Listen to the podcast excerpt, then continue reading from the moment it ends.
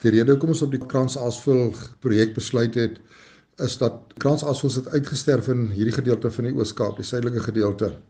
En verder noord kom daar wel nog kransaasvuls voor, maar die getalle is is is nie na wense nie.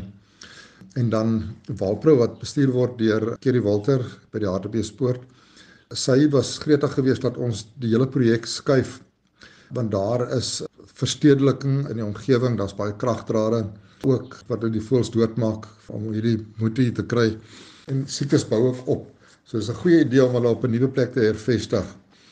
Alhoewel ons al die aasvoëls gaan skuif na Shamari toe, is dit net die aasvoëls wat natuurlik voorgekom het hier die kraansaasvoël wat hier vrygelaat gaan word.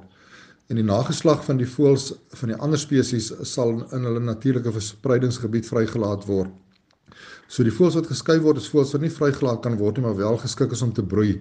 En ons bou baie baie groot hokke hier op Shamari vir die voëls laat hopelik laat hulle sal kan aanteel.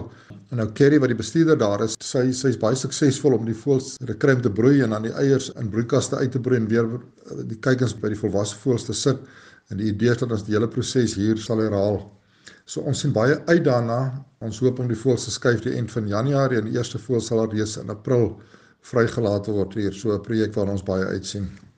En dit was dokter Johan Joubert, natuurlewe bestuurder sowel as veearts by die Shamwari private natuurreservaat. En vir verdere kommentaar eh, praat ons nou met Kate Webster, boervrou van die Oos-Kaap naby Queenstown, Komani, wat al 20 jaar lank haarself beywer vir aasvoëlbewaring in die Oos-Kaap. 20 jaar terug toe ek my eerste aasvoël gerehabiliteer en hy sit nou steeds in Walprou en hy gaan heel waarskynlik 'n nuwe tuiste by Shamori kry. Ons het so 5, 6, 7 jaar terug al gepraat van waar kan ons 'n groepie aasvoëls hier hervestig om die kleintjies vry te laat dat ons ons getalle hier in die Oos-Kaap kan opbou. En Shamori het die antwoord vir ons gegee.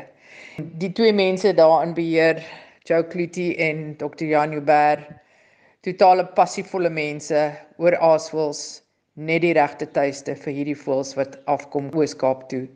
Dit is soos 'n droom wat nou waar geword het. Kyk Webster, bekende Oos-Kaapse aasvoëlrehabiliteerder en ook verteenwoordiger Oos-Kaapse verteenwoordiger van die nasionale Walprou aasvoël bewaringsprojek naby Hartbeespoortdam in Noordwes wat nou 'n groot hervestiging van gerehabiliteerde aasvoëls wat nooit weer sal kan vlieg nie maar wat nog steeds kan broei in Chamwari gaan vestig. Nou kyk, gaan dit net kraansaasvoëls wees wat hiernatoe gebring gaan word of praat ons ook van ander aasvoëls?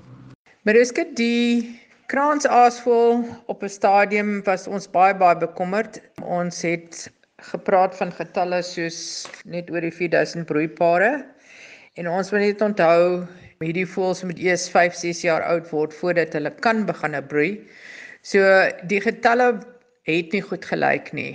En so 'n paar jaar terug het ons die kleintjies wat in aanhouding uitgebroei is by Walprou het ons Oos-Kaap toe gestuur. En daai groep het na my toe gekom en ons het hulle hier vrygelaat. En na 4 groepe wat ons vrygelaat het, kan ons duidelik sien daar is al klaar verbetering in die getalle wat deurgegee word na my of na Walbrou toe daarbo. Dit lyk beter in die Oos-Kaap. So ons weet ons is op die regte spoor. En hierdie projek gaan dit net verder sterker maak. Die projek bestaan nie net uit die kraansaasvol. Natuurlik die kraansaasvol is die grootste getal wat in aanhouding uitbroei by Walbrou op hierdie stadium. Daar gaan ook witrugaasvoëls afkom. Witrugaasvoëls is baie baie bedreig. Die verskil tussen 'n witrug en 'n kraansaasvoël, die witrug kom weier in Afrika voor, maar die witrug word baie baie hard geslaan met vergiftiging, veral meer Botswana, Zimbabwe, al daai plekke en hulle getalle neem baie baie vinnig af. So dit is half asof 'n mens dit kan sê in Engels sê hulle safe haven vir die witrug.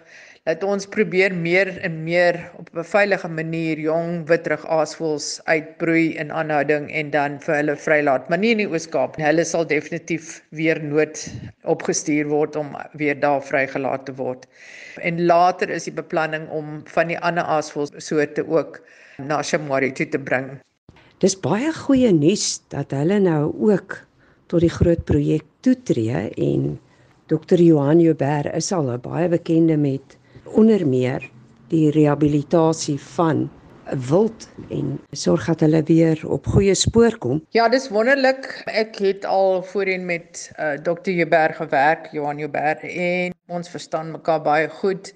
Die een aasvol was baie interessant want ons het ook 'n uh, ons noem dit 'n GPS toestel op haar gesit. Ek was op daai stadium nie hier nie en Shamari het vinnig ingetree en die vol ingeneem, gerehabiliteer en die vol is toe na my toe teruggestuur en ek het haar toe hier vrygelaat. En sy is die aasvol wat vir ons op hierdie stadium die langste tydperk gevlieg het met 'n GPS toestel op haar rug en vir ons inligting gegee en ek dink maklik na 4, 5 jaar amper die toestel is opgetel iewers in KwaZulu-Natal. Sy is die langste vleiende aasvoël wat ons vrygelaat het met 'n GPS toestel op. Ja, Johan en ek ons as as ons vra vra Johan het gedurig vir my ook vrae gevra oor die kraans aasvoëls, baie passievol oor die aasvoëls en roofvoëls. Ek het al vir hom witkruisarende gegee en hy het hulle gerehabiliteer en vrygelaat. So ons het baie goeie verstandhouding in daai opsig. Ek is so bly hy neem bewaring van hierdie aasvoëls in die Oos-Kaap. Dis riem onder my hart en ek weet ek het nou nog 'n veilige plek vir die aasvoëls hier in die Oos-Kaap. Hulle het 'n sekere plek in ons ekologiese stelsel, 'n baie belangrike plek ook. En ten spyte van die feit dat mense sê aasvoëls is vuil, hulle is nie vuil nie. Hulle hou daarvan om te bad, hulle hou daarvan om hulle self skoon te hou. En mense sê hulle eet dooie vleis, ons eet ook dooie vleis en ek is net baie bevoordeel dat ek wel met hierdie spesiale voëls kan werk. Ek wil net een ding byvoeg. Um en ek doen dit met 'n bietjie trane in my oë. My eerste paar aasvoëls wat ek boontoe gestuur het, het al jare se kleintjies al uitgebroei. En hulle het name, Mr. Jean Miss V. Hulle eerste eier het hulle hier by my gelê. En ek het hulle toe oorgegee aan Kerry. en as hulle terugkom Weskaap toe. Sjoe. Ek weet ek het gehuil toe ek hulle daar bo gesien het, maar ek weet as ek hulle hier onder weer sien, gaan ek ook huil. Hulle is maklik nou 20 jaar plus oud, maar hulle kan nog steeds broei en hulle kan nog steeds aasvoels uit die Oos-Kaap laat vrylaat en weer teruggee in die natuur waar hulle moet wees.